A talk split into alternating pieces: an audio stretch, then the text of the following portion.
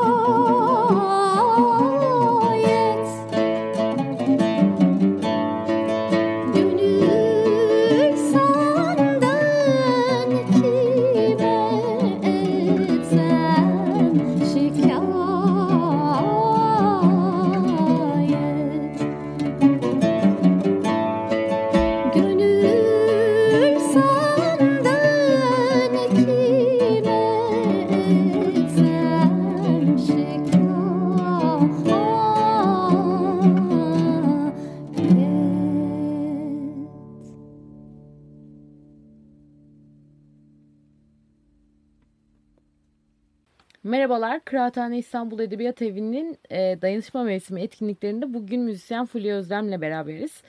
E, ondan harika bir şarkı dinledik. Daha aslında dinleyeceğiz ama önce bugün bize seçtiğin şarkıların konseptini bir e, anlatalım mı? Ben çok heyecanlandım ilk bahsettiğinde de. Seni tabii yakından da tanıdığım için biraz hakimim ama bence e, sen biraz bahsetmesin. Özel bir şey yap, yapıyorsun bugün bizim için. Tabii bunlar e, böyle tanzimat romanlarında veyahut da tanzimat döneminde geçen romanlarda e, ismi geçen, bahsi geçen şarkılar. Aslında bu romanlarda e, şey de gözümüze çarpıyor yani müzik bir taşıyıcı unsur. Tıpkı e, işte yol filmlerinde nasıl o seyahat unsuru vardır ya da müziğin gerçekten çok önde olduğu filmler vardır. Bu romanlarda da musiki çok önde, musiki hikayenin anlatıcısı oluyor bazen. Ee, o dikkatimi çekti ve o yüzden de ben bu romanları okurken sanki o bir filmdi ve o romanların soundtrack'i de bu şarkılardı. Öyle bir hisse kapıldım. O yüzden böyle küçük bir seçki yaptım. Tanzimat romanlarında geçen şarkılar e, ya da Tanzimat döneminde geçen romanların içinde bahsi geçen şarkılar. Zaten sen e, taş plak kayıtlarına hep çok düşkünsün. Tabii. E, e, yani buna dair daha önce de bir sürü işte müzikal çalışma yaptın. Ee, ama şey biraz bana yani mesela buraya nasıl odaklandığın biraz dikkatimi çekiyor. Yani biz filmlerle müziklerin eşliğini hep böyle çok aşinayız ona ve e, hep dikkat çekeriz. Yani e, filmlerin müzikleri hep çok konuşulur. Ama biz kitaplarda geçen müzikleri aslında pek düşünmeyiz. Hani senin buraya odaklanman biraz dikkatimi çekiyor benim o yüzden ilgimi çekti yani. Şimdi aslında e, belki o edebiyatımızda e, ki değişimden de kaynaklanıyor olabilir. Konunun uzmanı değilim ama Tanzimat döneminde yazılmış olan eserlere baktığımız zaman bu öykü olsun, roman olsun orada musiki çok ön planda ya da şiir. Bazen bir şiir ve o şiirin bir yanlış okuma, okuması koca bir romanın konusu olabiliyor. Aynı şekilde şarkılar böyle çok kilit anlarda karşımıza çıkıyor ve bize hikayeyi bazen o şarkılar anlatıyor. E, o yüzden de bunları görmemek mümkün değildi. Yani o şarkılar bana romanı okuttu, e, unutulmaz kıldı. O yüzden de zaten dikkatimi çekmemeleri mümkün değildi. Senin aslında sahne kıyafetlerin, şarkı seçimlerin, biraz böyle tarzın, ne bileyim saçın, aksesuarların hep bir e, dönem gönderme e, zaten hep var. Bugün ee, yok. Bugün biraz Evet bugün daha karpuzlu evet. falan gibi. Yaz. Ama gene de var Yaz aslında dönemi. biraz. Tabii. var var gene Tabii. de hani e, bu bunu gerçekten seviyorsun ve hep e, yani gündelik hayatının da da böyle hisseden böyle yaşayan e, biri misin? Evet ya e, özellikle yani neden eskiyi seviyorum bilmiyorum ama e, taş bizim musikimiz söz konusu olduğu zaman ki aslında yani tangolar için falan da aynı şey düşünülebilir. Yani e, taş plak kayıtlarındaki vokal kullanımı, kadın şarkıcılar, onların o sopranolu, e, icraların çünkü bu sonuçta e, fasıl şarkıları olsun, e, kent yani urban folk diyeceğimiz e, şehir türküleri olsun e, veyahut da o dönemin ritmik unsurlarını barındıran şarkılar işte tangolar, foxtrotlar şunlar bunlar. Bunlar o, dönem, o dönemin popüler müziği. Şimdi popüler müzik çalan bir orkestranın da elbette böyle eğlencenin de bir parçası o. Aslında evet, eğlence doğru. müziği o dönem için. o yüzden de orada o groove'u, o eğlenceliliği, o e, yaşayan, gerçekten hayatta olan o kültürü hissedebiliyorsunuz. O yüzden ben taş plak dönemiyle özellikle ilgileniyorum. Çünkü o dönemin kadın şarkıcılarını dinlediğim zaman, işte Deniz Kızı Eftalya'yı dinlediğim zaman ya da Safiye Ayla'nın, Sabite Turgül Erman'ın, Perihan Altındağ sözlerin, e, sözlerinin ve işte hayranı olduğum pek çok şarkıcının, buna e, Rebetika şarkıcılarını da dahil edelim. Rosa evet, Eşkenazi'nin bir şarkı e, çalacağız şimdi. E, işte Marika Politisa'dan Marika Francesco Porlu ama ona Marika Politisa diyorlar. İstanbullu Marika diyorlar. Çünkü makam müziğini çok iyi biliyor ve işte yani gazelleri okuyuşu falan inanılmaz. O kadın şarkıcıları ben inanılmaz bir saygı duyuyorum ve hani boş vaktimde de onları dinliyorum. O yüzden. Bir de onları ben bir ara Rosa Eskenazi'ye çok sarmıştım mesela. Yani şeyleri de e, dönemdeki aslında yaşayışları işlerini icra etmek için e, yani karşılaştıkları o şartlar. Tabii. Bu buradan biraz dönemin atmosferi ve oradaki kadın seslerin var oluşundan da belki bahsedebilirsin. Belki ona da şeyi bağlayabiliriz. Seçtiğin şarkılar e, bugün bizim için. Evet. E, şimdi Rebetika şarkıcılarından bahsettik. Sondan mı başlasak acaba? Olabilir aslında. Ee, seçtiğim şarkılar genellikle e, Türk Edebiyatı'nın e, romanlarında karşımıza çıkan şarkılar ama bir tane de e, Yunanca bir şarkı seçtim. Bir Rebetika şarkısı seçtim. O şarkının ismi de Neahira. Ee, ve Neahira'yı meşhur eden aslında Marika Francescopoğlu ve Rosa Eşkenazi. Ama ben Marika Francescopoğlu'nun yani İstanbullu Marika'nın yorumunu daha çok seviyorum. Ve bu şarkıda e, bir genç duldan bahsediliyor.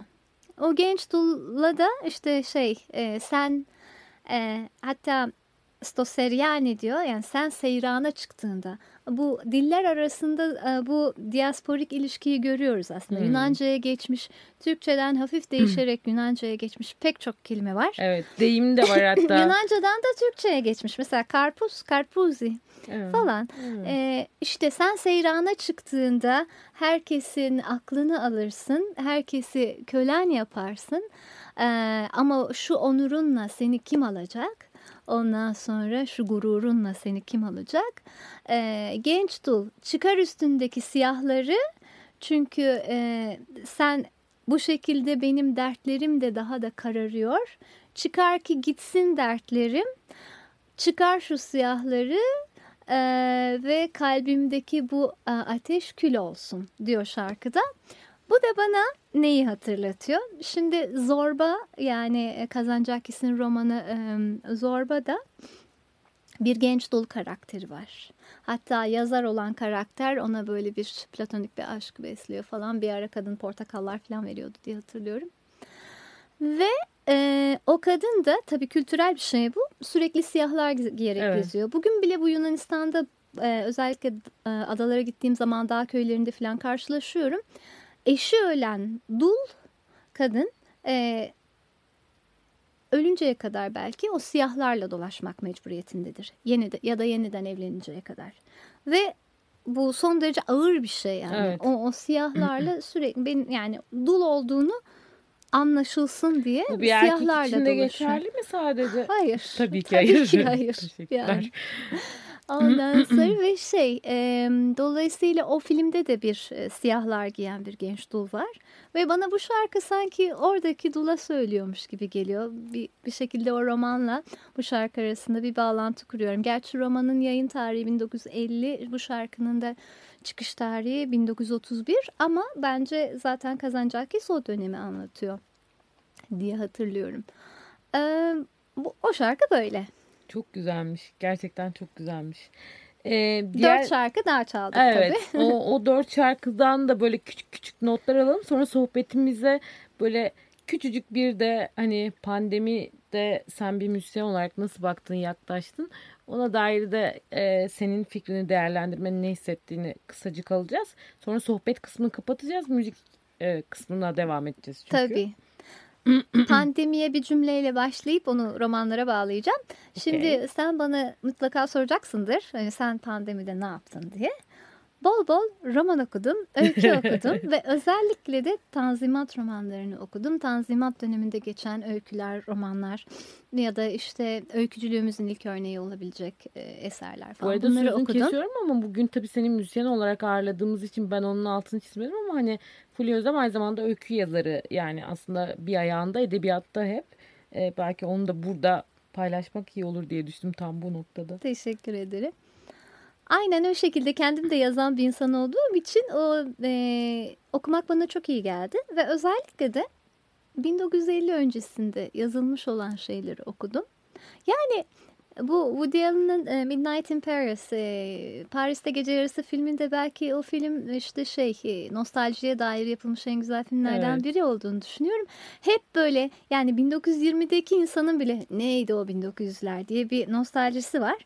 Benim de önüne geçemediğim, nedenini de bilmediğim bir nostaljim var. O dönemlerin e, özel Tanzimat romanlarını ve 1950 öncesi hele işte 20. yüzyılın başında yazılan romanları, öyküleri okuduğum zaman müthiş bir nostaljiye kapılıyorum. Çünkü sanki her şey mahvolmadan önceki yıllar gibi geliyor. Bunun çok yanlış olduğunu farkındayım ne katliamlar ne acılar yaşanıyordu o dönemde ki kadınların özgür olmadığı bir dönemden bahsettiğimizi hatırlarsak iyice hani hiç de öyle iç açıcı bir dönem değil evet. aslında.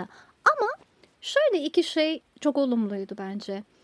Bir kere çok kozmopolit bir toplum var.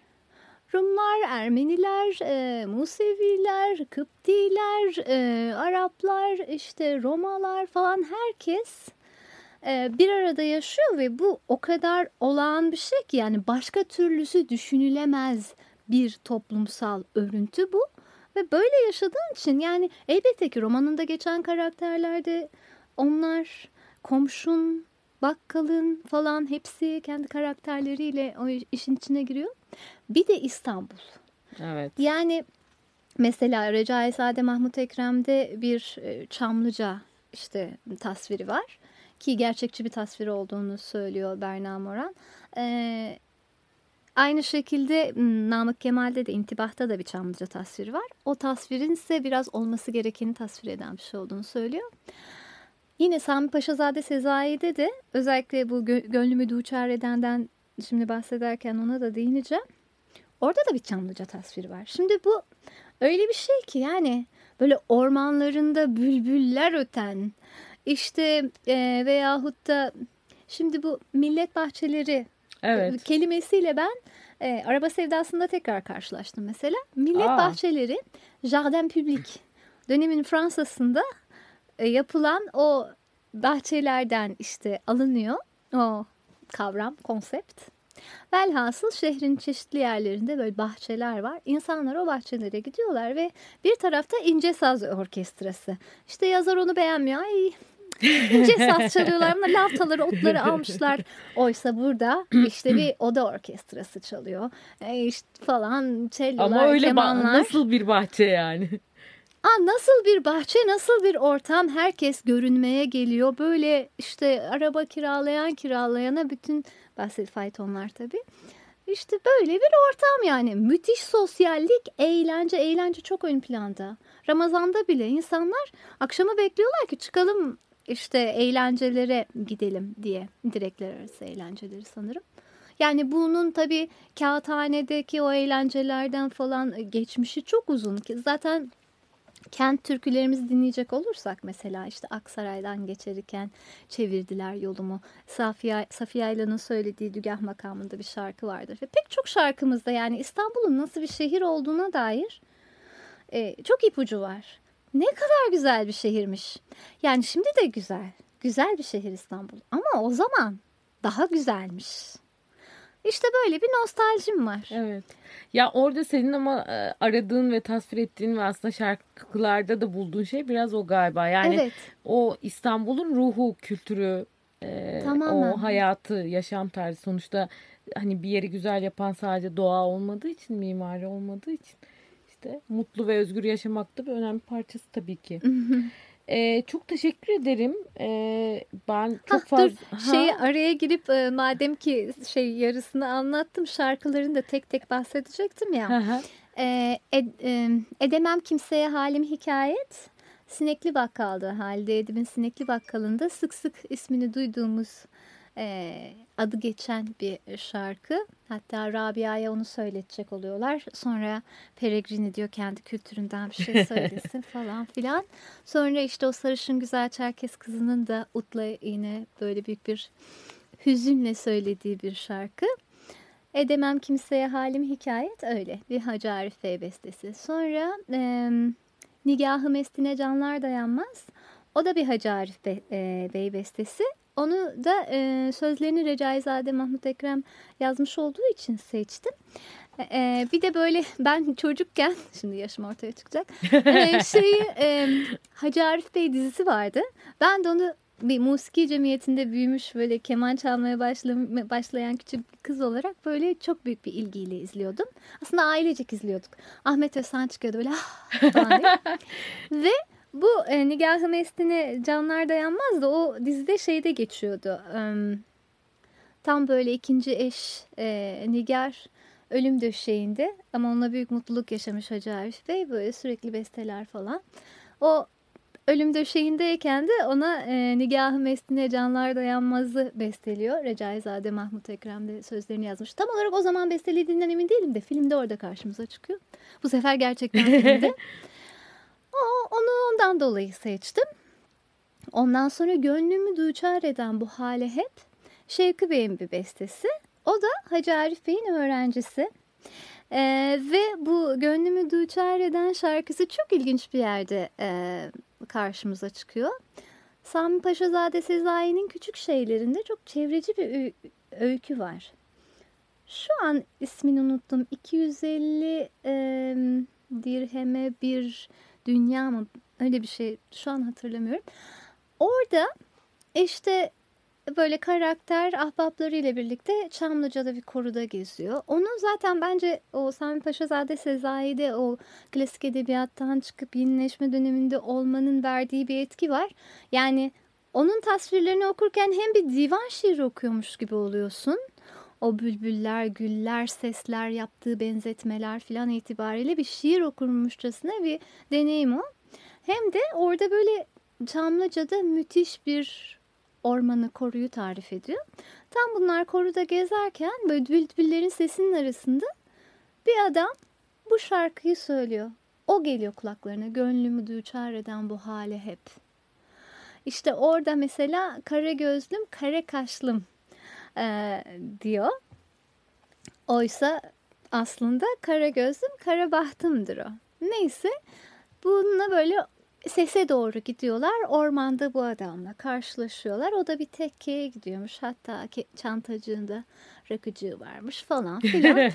Böyle ve te, Bektaş, tek, Bektaş tekkesine giden bir adam Çamlıca'da böyle aşka gelmiş. Bunu söylüyor. Şimdi bunu söylemesi de anlamlı aslında. Demek ki o dönemin popüler müziği. Evet. Ki onu söylüyor. Velhasıl işte e, çok etkileniyor işte yazıyor ve bir sonraki gidişlerinde o orman kesilmiş, ağaçlar kesilmiş, müthiş bir çöle dönmüş orası ve bunu büyük bir kontrastla, büyük bir acıyla anlatıyor. Ve bu böyle çok çevreci bir hikaye yani. Evet. Bir de ormanlar o zaman da kesiliyormuş ya. Biz bunun önüne geçemedik. Bu öyküyü böyle alıp şey yeşil mutabakat şeylerine falan böyle bir şey var efendim. Şarkısı da bu. Ama aslında yaşadığımız birçok şeyin hep bir geçmişi oluyor ya. Aha. Tekrar eden. Bir de, bir de bir şarkı daha çaldık. O da yine Hacı Arif Bey'in öğrencilerinden Lemi Atlı'nın Zaman Olur Ki Anın Haclı-i Visalinde isimli bestesiydi. O zaman buranın hiç tadını kaçırmayalım. Şarkıları dinlemeye devam edelim. E, dayanışma mevsiminde yeni müzisyen yani başka müzisyenlerle e, buluşmaya devam edeceğiz. Çok teşekkür ederiz e, sana sohbet içinde. Ama artık bu konseptimizin gereği en çok şarkılarını dinlemek istiyoruz. Oradan devam edelim. Rica ederim. Ben teşekkür ederim. Nigahım estire